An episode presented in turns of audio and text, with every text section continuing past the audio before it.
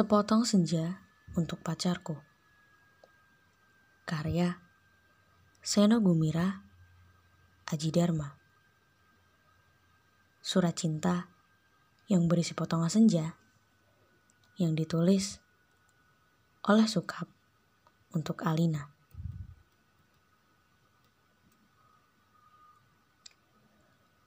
Alina tercinta, bersama surat ini Kukirimkan padamu sepotong senja. Dengan angin, lebur ombak, matahari terbenam, dan cahaya keemasan. Apakah kamu menerimanya dalam keadaan lengkap?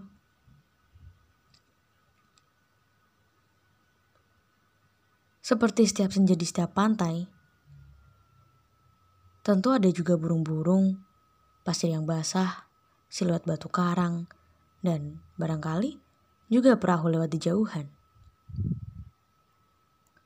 Maaf, aku tidak sempat melitinya satu persatu. Mestinya ada juga lokan, batu yang berwarna-warni, dan bias cahaya cemerlang yang berkeratap pada buih yang bagikan impian. Selalu saja membuat aku mengangankan segala hal yang paling mungkin kulakukan bersamamu. Meski aku tahu, semua itu akan tetap tinggal sebagai kemungkinan yang entah kapan menjadi kenyataan.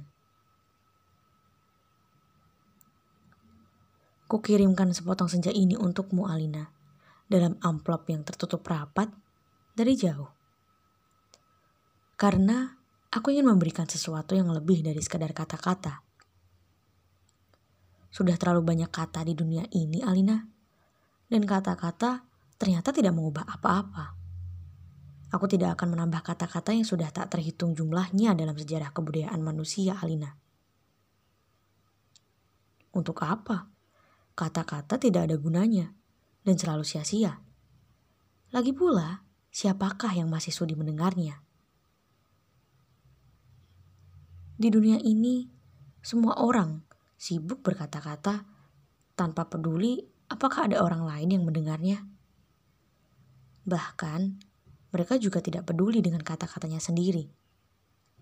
Sebuah dunia yang sudah kelebihan kata-kata tanpa makna. Kata-kata sudah luber dan tidak dibutuhkan lagi. Setiap kata bisa diganti artinya. Setiap arti bisa diubah maknanya. Itulah dunia kita, Alina. Kukirimkan sepotong senja untukmu, Alina bukan kata-kata cinta. Kukirimkan padamu sepotong senja yang lembut dengan langit kemerah-merahan yang nyata. Dan betul-betul ada dalam keadaan yang sama. Seperti ketika aku mengambilnya saat matahari hampir tenggelam ke balik cakrawala. Alina yang manis, Alina yang sendu. Akan kuceritakan padamu bagaimana aku mendapatkan senja itu untukmu.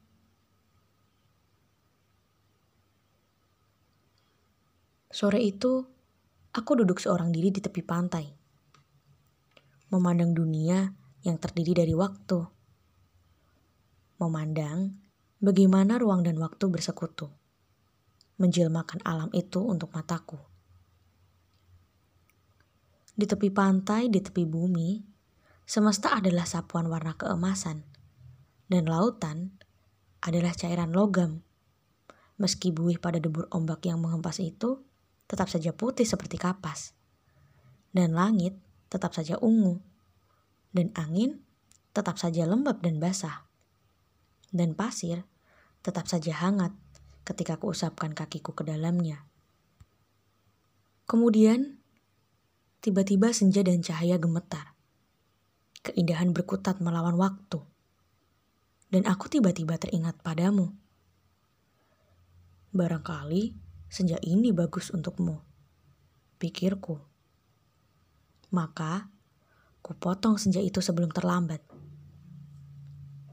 Ku kerat pada empat sisi, lantas ku masukkan ke dalam saku. Dengan begitu, keindahan itu bisa abadi, dan aku bisa memberikannya padamu. Setelah itu, aku berjalan pulang dengan perasaan senang. Aku tahu kamu akan menyukainya. Karena kamu tahu, itulah senja yang selalu kamu bayangkan untuk kita. Aku tahu kamu selalu membayangkan hari libur yang panjang, perjalanan yang jauh, dan barangkali sepasang kursi malas pada sepotong senja di sebuah pantai. Di mana kita akan bercakap-cakap sembari memandang langit, sambil berangan-angan, sambil bertanya-tanya, apakah semua ini memang benar-benar telah terjadi? Kini, senja itu bisa kamu bawa ke mana-mana. Ketika aku meninggalkan pantai itu, kulihat orang-orang datang berbondong-bondong. Ternyata mereka menjadi gempar karena senja telah hilang. Kulihat cakrawala itu berlubang sebesar kartu pos. Alina sayang, semua itu telah terjadi, dan kejadiannya akan tetap seperti itu. Aku telah sampai ke mobil ketika di antara kerumunan itu, kulihat seseorang menunjuk-nunjuk ke arahku. Dia yang mengambil senja itu. Saya lihat dia mengambil senja itu. Kulihat orang-orang itu melangkah ke arahku. Melihat gelagat itu, aku segera masuk mobil dan tancap gas. Catat nomornya, catat nomornya. Aku melejit ke jalan raya. Ku kebut mobilku tanpa perasaan panik. Aku sudah berniat memberikan senja itu untukmu dan hanya untukmu saja, Alina. Tak seorang pun boleh mengambilnya dariku. Cahaya senja yang keemasan itu berbinar-binar di dalam saku. Aku merasa cemas karena Meskipun kaca mobilku gelap, tapi cahaya senja tentu cukup terang dilihat dari luar. Dan ternyata cahaya senja itu memang menembus pada segenap cahaya dalam mobilku. Sehingga mobilku itu meluncur dengan nyala cemerlang ke aspal maupun ke angkasa. Dari radio yang kusetel, aku tahu berita tentang hilangnya senja telah tersebar ke mana-mana. Dari televisi dalam mobil, bahkan kulihat potretku sudah terpampang. Aduh, baru hilang satu senja saja, sudah paniknya seperti itu. Apa tidak bisa menunggu sampai besok? Bagaimana kalau setiap orang mengambil senja untuk pacarnya masing-masing? Barangkali memang sudah waktunya dibuat senja tiruan. Yang bisa dijual di toko-toko, dikemas dalam kantong plastik, dan dijual di kaki lima. Sudah waktunya senja diproduksi besar-besaran, supaya bisa dijual anak-anak pedagang asongan di perempatan jalan. Senja, senja, cuma seribu tiga.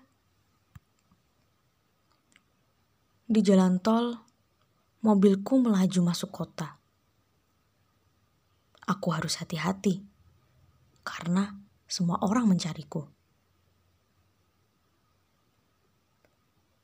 Sirene mobil polisi meraung-raung di mana-mana.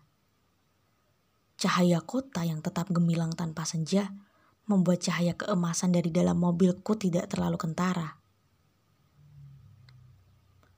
Lagi pula di kota, tidak semua orang peduli apakah senja hilang atau tidak.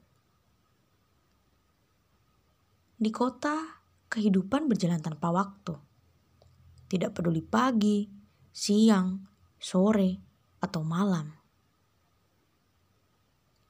Jadi, tidak pernah penting senja itu ada atau hilang. Senja cuma penting untuk turis yang suka memotret matahari terbenam. Boleh jadi Hanya demi alasan itulah, senja yang kubawa ini dicari-cari polisi. Sirene polisi mendekat dari belakang. Dengan pengeras suara, polisi itu memberikan peringatan. Pengemudi mobil Porsche abu-abu metalik nomor SG 19658A harap berhenti. Ini polisi. Anda ditahan karena dituduh telah membawa senja.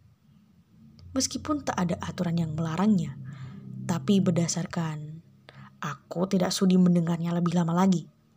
Jadi, kubilas dia sampai terpental keluar pagar. Kutancap gas dan menyelip-nyelip dengan lincah di jalanan. Dalam waktu singkat, kota sudah penuh dengan raungan sirene polisi. Terjadi kejar-kejaran yang seru. Tapi, aku lebih tahu seluk-beluk kota. Jalanan dengan cahaya yang bermain warna, gang-gang gelap yang tak pernah tercatat dalam buku alamat, lorong-lorong rahasia yang hanya diperuntukkan bagi orang-orang bawah tanah. Satu mobil terlempar di jalan layang satu mobil lain tersesat di sebuah kampung. Dan satu mobil lagi terguling-guling menabrak truk dan meledak, lantas terbakar. Masih ada dua polisi bersepeda motor mengejarku. Ini soal kecil. Mereka tak pernah bisa mendahuluiku. Dan setelah kejar-kejaran beberapa lama, mereka kehabisan bensin dan pengendaranya cuma bisa memaki-maki.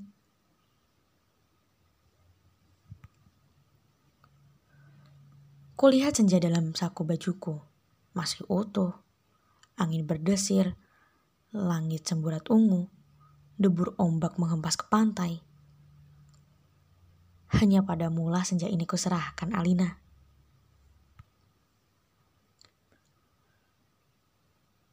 Tapi Alina, Polisi ternyata tidak sekonyol yang kusangka. Di segenap sudut kota, mereka telah siap siaga. Bahkan, aku tak bisa membeli makanan untuk mengisi perutku. Bahkan, di langit tanpa senja, helikopter mereka menyorotkan lampu ke setiap gudang, gedung yang bertingkat di setiap tempat. Aku tersudut dan akhirnya nyaris tertangkap. Kalau saja tidak ada gorong-gorong yang terbuka, mobilku sudah kutinggal ketika memasuki daerah kumuh itu. Aku berlari di antara gudang, rumah tua, tiang, serta temali, terjatuh di atas sampah, merayapi tangga-tangga reot, sampai seorang gelandangan menuntunku ke suatu tempat yang tak akan pernah kulupakan dalam hidupku. Masuklah, katanya tenang. Di situ kamu aman. Ia menuju gorong-gorong yang terbuka itu. Ada tikus keluar dari sana. Baunya bacin dan pesing. Ku tengok ke bawah, kulihat kelelawar bergantungan. Aku ragu-ragu. Namun, deru helikopter dengan lampu sorotnya yang mencari-cari itu melenyapkan keraguanku.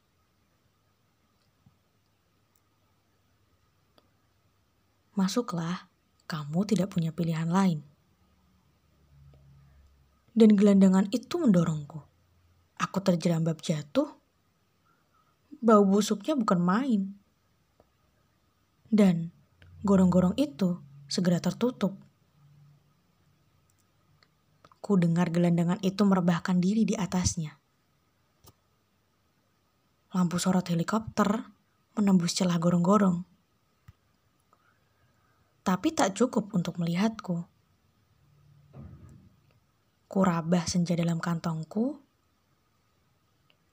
Cahayanya yang merah keemas-emasan membuat aku bisa melihat dalam kegelapan. Aku melangkah dalam gorong-gorong yang rupanya cukup tinggi juga. Kusibukkan kelelawar yang bergantungan yang entah mati entah hidup itu. Kulihat cahaya putih di ujung gorong-gorong. Air busuknya mengalir setinggi lutut. Namun, makin ke dalam, airnya makin surut. Di tempat yang kering, kulihat anak-anak gelandangan duduk-duduk maupun tidur-tiduran. Mereka berserakan memeluk rebana dengan mata yang tidak memancarkan kebahagiaan. Aku berjalan terus melangkahi mereka dan coba bertahan. Betapapun ini lebih baik daripada harus menyerahkan senja Alina. Di ujung gorong-gorong, di tempat cahaya putih itu, ada tangga menurun ke bawah. Ku ikuti tangga itu. Cahayanya semakin terang dan semakin benderang. Astaga, kamu boleh tidak percaya Alina. Tapi kamu akan terus membacanya. Tangga itu menuju ke mulut sebuah gua. Dan tahukah kamu? Ketika aku keluar dari gua itu, aku ada di mana? Ya, di tempat persis yang sama dengan tempat di mana aku mengambil senja itu untukmu, Alina. Sebuah pantai dengan senja yang bagus, ombak, angin, dan kepak burung Tak lupa cahaya keemasan dan bias ungu pada mega-mega yang berarak bagaikan aliran mimpi. Cuma saja, tidak ada lubang sebesar kartu pos. Jadi, meskipun persis sama, tapi bukan tempat yang sama. Aku berjalan ke tepi pantai tenggelam dalam guyuran alam yang perawan, nyiur tentu saja, matahari, dan dasar lautan yang bening dengan lidah ombak yang berdesis-desis. Tak ada cottage, tak ada barbecue, tak ada marina. Semua itu memang tidak perlu. Senja yang bergetar melawan takdir membiaskan cahaya keemasan ke tepi semesta. Aku sering malu sendiri melihat semua itu, Alina. Dan, Alina, apakah semua itu mungkin diterjemahkan dalam bahasa?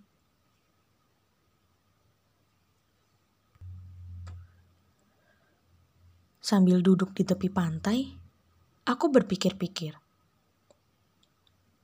Untuk apakah semua ini kalau tidak ada yang menyaksikannya? Setelah berjalan ke sana, kemari, aku tahu kalau dunia dalam gorong-gorong ini kosong melompong. Tak ada manusia, tak ada tikus, apalagi dinosaurus. Hanya burung yang terkepak. Tapi ia sepertinya bukan burung yang bertelur dan membuat sarang. Ia hanya burung yang dihadirkan sebagai ilustrasi senja. Ia hanya burung berkepak dan berkepak terus di sana. Aku tak habis pikir, Alina. Alam seperti ini dibuat untuk apa? Untuk apa senja yang bisa membuat seseorang ingin jatuh cinta itu jika tak ada seekor dinosaurus pun yang menikmatinya. Sementara di atas sana, orang-orang sudah ribut kehilangan senja. Nah, jadi begitulah Alina. Ku ambil juga senja itu. Ku kerat dengan pisau Swiss yang selalu ku bawa pada empat sisinya.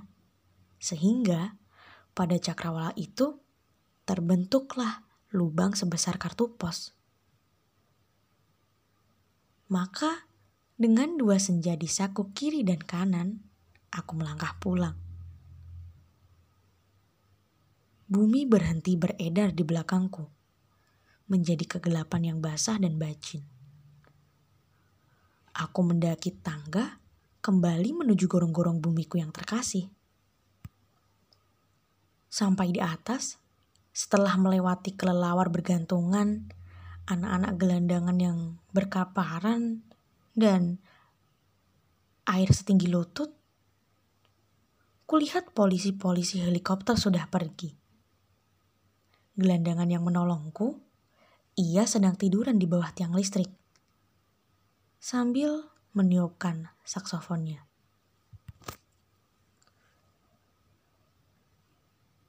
Aku berjalan mencari mobilku.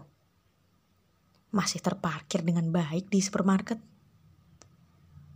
Nampaknya bahkan baru saja dicuci. Sambil mengunyah pizza, segera aku kebut mobilku menuju pantai. Dengan dua senja, di saku kiri dan kanan. Lengkap dengan matahari, laut, pantai, dan cahaya keemasannya masing-masing. Mobilku bagi memancarkan cahaya ilahi Alina. Sepanjang jalan layang, sepanjang jalan tol, Ku tancap gas dengan kecepatan penuh.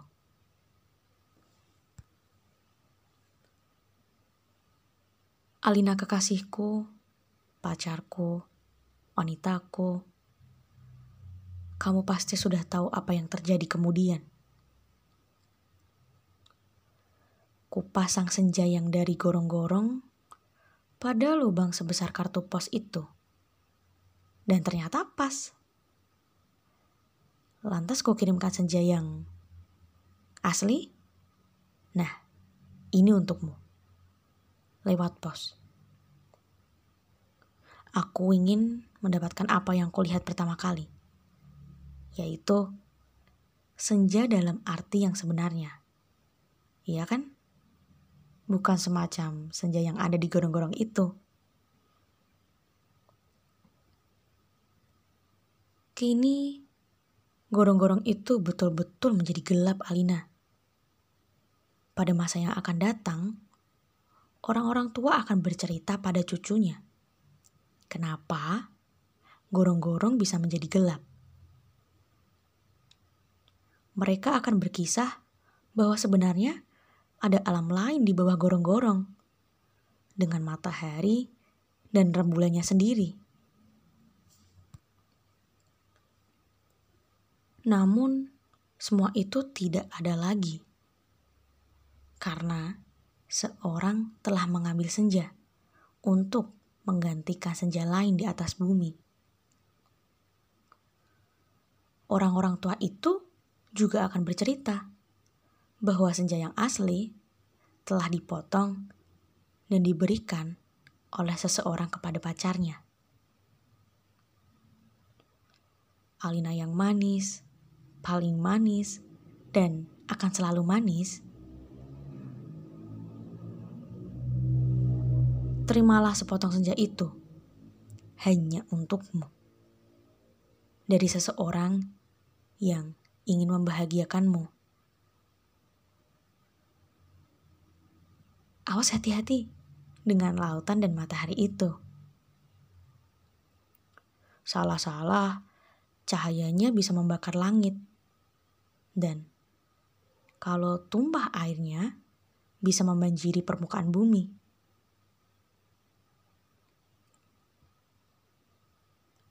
Dengan ini, ku kirimkan pula kerinduanku padamu. Dengan cium, peluk, dan bisikan terhangat dari sebuah tempat yang paling sunyi di dunia